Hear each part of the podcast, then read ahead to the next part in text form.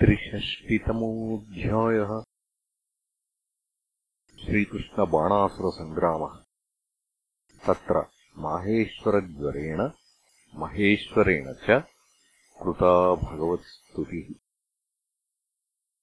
श्रीशुक उवाच अपश्यताम् चानिरुद्धम् तद्बन्धूनाम् च भारत चत्वारो वार्षिका मासा व्यतीयुरनुशोचताम्। नारदात्तदुपाकर्ण्य वार्ताम् बद्धस्य कर्म च। प्रययुः शोणितपुरम् वृष्णयः कृष्णदेवताः। प्रद्युम्नो युयुधानश्च गदस्ताम्बोधसारणः नन्दोपनन्दभद्राद्या रामकृष्णानुवर्तिनः अक्षौहिणीभिर्द्वादशभिः समेताः सर्वतो दिशम् रुरुधुर्बाणनगरम् समन्तात् सात्वतर्षभाः भज्यमानपुरोद्यानप्राकाराट्टालगोपुरम् प्रेक्षमाणोरुषाविष्टस्तुल्यसैन्योऽभिनिर्ययौ। बाणार्थे भगवान् रुद्रः ससुतैः प्रमथैर्वृतः। आरुह्य नन्दिवृषभम् युयुधे रामकृष्णयोः। आसीत् सुतुमुलम् युद्धम् अद्भुतम् रोमहर्षणम् कृष्णशङ्करयो राजन् प्रद्युम्नगुहयोरपि कुम्भाण्डकूपकर्णाभ्याम् बलेन सह संयुगः साम्बस्य बाणपुत्रेण बाणेन सह सात्यकेः ब्रह्मादयः सुराधीशामुनयः सिद्धचारणाः गन्धर्वाप्सरसो यक्षा विमानैर्द्रष्टुमागमन्। शङ्करानुचरान् शौरिः भूतप्रमथगुह्यकान्। डाकिनीर्यातुधानांश्च बेतालान् सविनायकान्। प्रेतमातृपिशाचांश्च कूष्माण्डान् ब्रह्मराक्षसान् द्रावयामास तीक्ष्णाग्रैः शरैः शार्ङ्गधनुस्त्युतैः पृथग्विधानि प्रायुङ्क्त पिनाच्यस्त्राणि शार्ङ्गिणे प्रत्यस्त्रैः शमयामास शार्ङ्गपाणिरविस्मितः ब्रह्मास्त्रस्य च ब्रह्मास्त्रम् वायव्यस्य च पार्वतम् आग्नेयस्य च पाद्यन्यम् नैजम् पाशुपतस्य च। मोहयित्वा तु गिरिशम् जृम्भणास्त्रेण जृम्भितम् बाणस्य पृतनाम् शौरिर्जघानाशिगदेषुभिः स्कन्दः प्रद्युम्नबाणौघैरद्यमानः समन्ततः असृग्विमुञ्चन् गात्रेभ्यः शिखिनापाक्रमद्रणात् कुम्भाण्डः कूपकर्णश्च पेततुर्मुसलार्दितौ। दुद्रुवुस्तदनीकानि हतनाथानि सर्वतः विशीर्यमाणम् स्वबलम् दृष्ट्वा बाणोऽत्यमर्षणः कृष्णमभ्यद्रवत् सङ्ख्ये रथीः त्वयैव सात्यकिम्। धनुष्याकृष्ययुगपद्बाणः पञ्चशतानि वै एकैकस्मिन् शरौ द्वौ द्वौ सन्दधे रणदुर्मदः तानि चिच्छेद भगवान् धनूंषि युगपद्धरिः सारथिम् रथमश्वांश्च हत्वा शङ्खमपूरयत्। तन्माता कोटरा नाम नग्ना मुक्तशिरोरुहा। पुरोवतस्थे कृष्णस्य पुत्रप्राणरिरक्षया। ततः तिर्यङ्मुखो नग्नामनिरीक्षन् गदाग्रजः बाणश्च तावद्विरथश्चिन्नधन्वा विशत्पुरम् विद्राविते भूतगणे ज्वरस्तु त्रिशिरास्त्रिपात् अभ्यधावतदाशार्हम् दहन्निव दिशो दश अथ नारायणो देवस्तम् दृष्ट्वा व्यसृजज्वरम्। माहेश्वरो वैष्णवश्च युयुधाते ज्वरा उभौ माहेश्वरः समाक्रन्दन् वैष्णवेन बलार्दितः अलब्ध्वाभयमन्यत्र भीतो माहेश्वरो ज्वरः शरणार्थी हृषीकेशम् तुष्टावप्रयताञ्जलिः। ज्वर उवाच नमामि त्वानन्तशक्तिम् परेशम्। सर्वात्मानम् केवलम् ज्ञप्तिमात्रम्। विश्वोत्पत्तिस्थानसंरोधहेतुम् यत्तद्ब्रह्म ब्रह्मलिङ्गम् प्रशान्तम् कालो दैवम् कर्म जीवस्वभावो। द्रव्यम् क्षेत्रम् प्राण आत्मा विकारः। तत्सङ्घातो बीजरोहप्रवाहः। त्वन्मायैषा तन्निषेधम् प्रपद्ये। नानाभावैर्लीलयैवोपपन्नैः।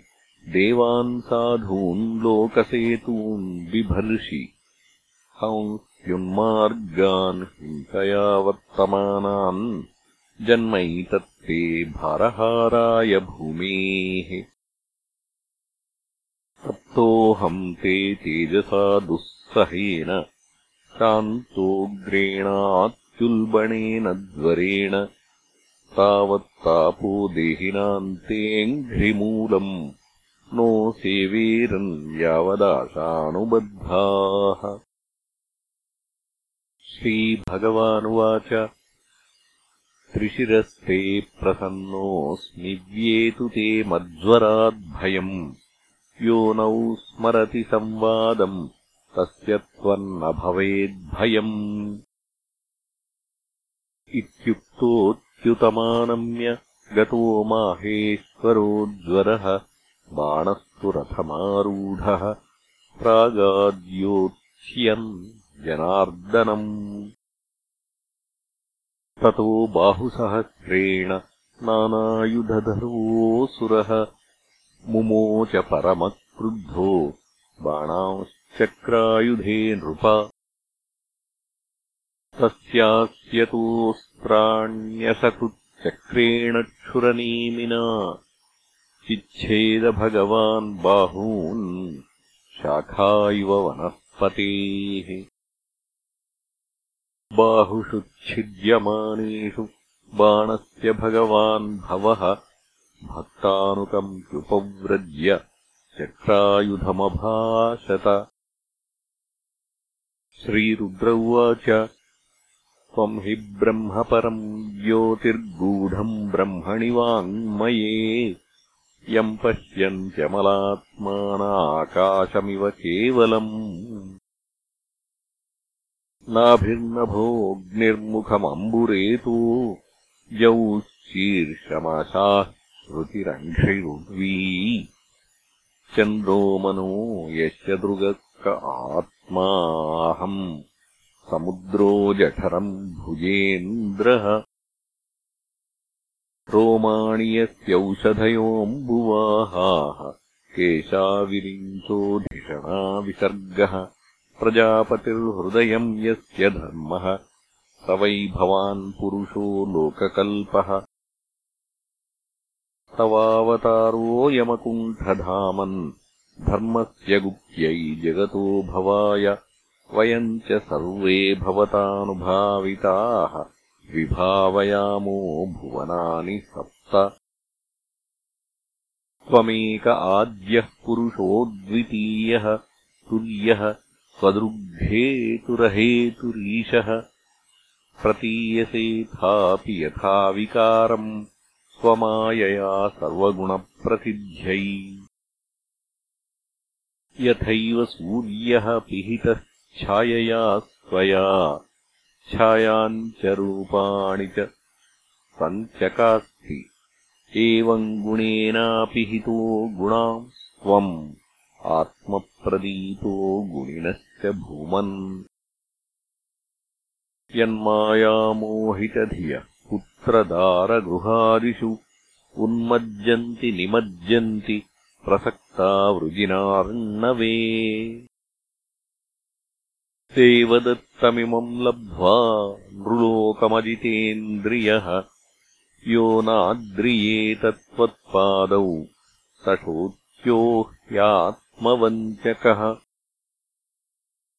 यस्त्वाम् विसृजते मर्त्य आत्मानम् प्रियमीश्वरम् विपर्ययेन्द्रियार्थार्थम् विषमत्यमृतम् यजन्। अहम् ब्रह्माथ विबुधा मुनयश्चामलाशयाः सर्वात्मना प्रपन्नास्त्वाम् आत्मानम् तन्त्वा जगत्स्थित्युदयान्तहेतुम् समम् प्रशान्तम् सुहृदात्मदैवम्। अनन्यमेकम् जगदात्मकेतम् भवापवर्गाय भजामदेवम्। अयम् ममेष्टो दयितोऽनुवर्ती मया भयम् दत्तममुष्यदेव सम्पाद्यताम् तद्भवतः प्रसादो। यथा हि ते दैत्यपतौ प्रसादः। श्रीभगवानुवाच। यदार्थभगवम् त्वन्नः करवामप्रियम् तव भवतो यद्व्यवसितम् तन्मे साध्वनुमोदितम्। अवध्योऽयम् ममाप्येष वैरोचनिषुकोऽसुरः प्रह्लादाय वरो दत्तो नवध्यो मे तवान्वयः। दर्पोपशमनायात्यप्रवृत्ना बाहवो मया सूदितम् च बलम् भूरि यच्च भारायितम् भुवः।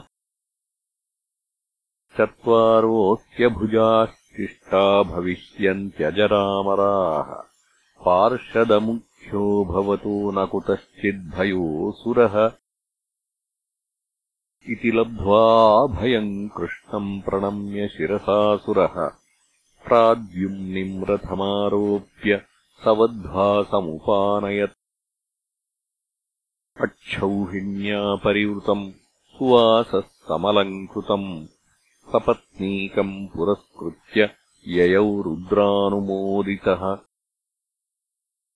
स्वराजधानीम् समलङ्कृताम् ध्वजैः सतोरणैरुक्षितमार्गचत्वराम् विवेशशङ्खानकदुन्दुभिः स्वनैः अभ्युद्यतः पौरसुहृद्विजातिभिः। य एवम् कृष्णविजयम् शङ्करेण च संयुगम् संस्मरेत्प्रातरुत्थाय न तस्य स्यात्पराजयः इति श्रीमद्भागवते महापुराणे पारमहंस्याम् संहितायाम् दशमस्कन्धे उत्तरार्धे त्रिषष्टितमोऽध्यायः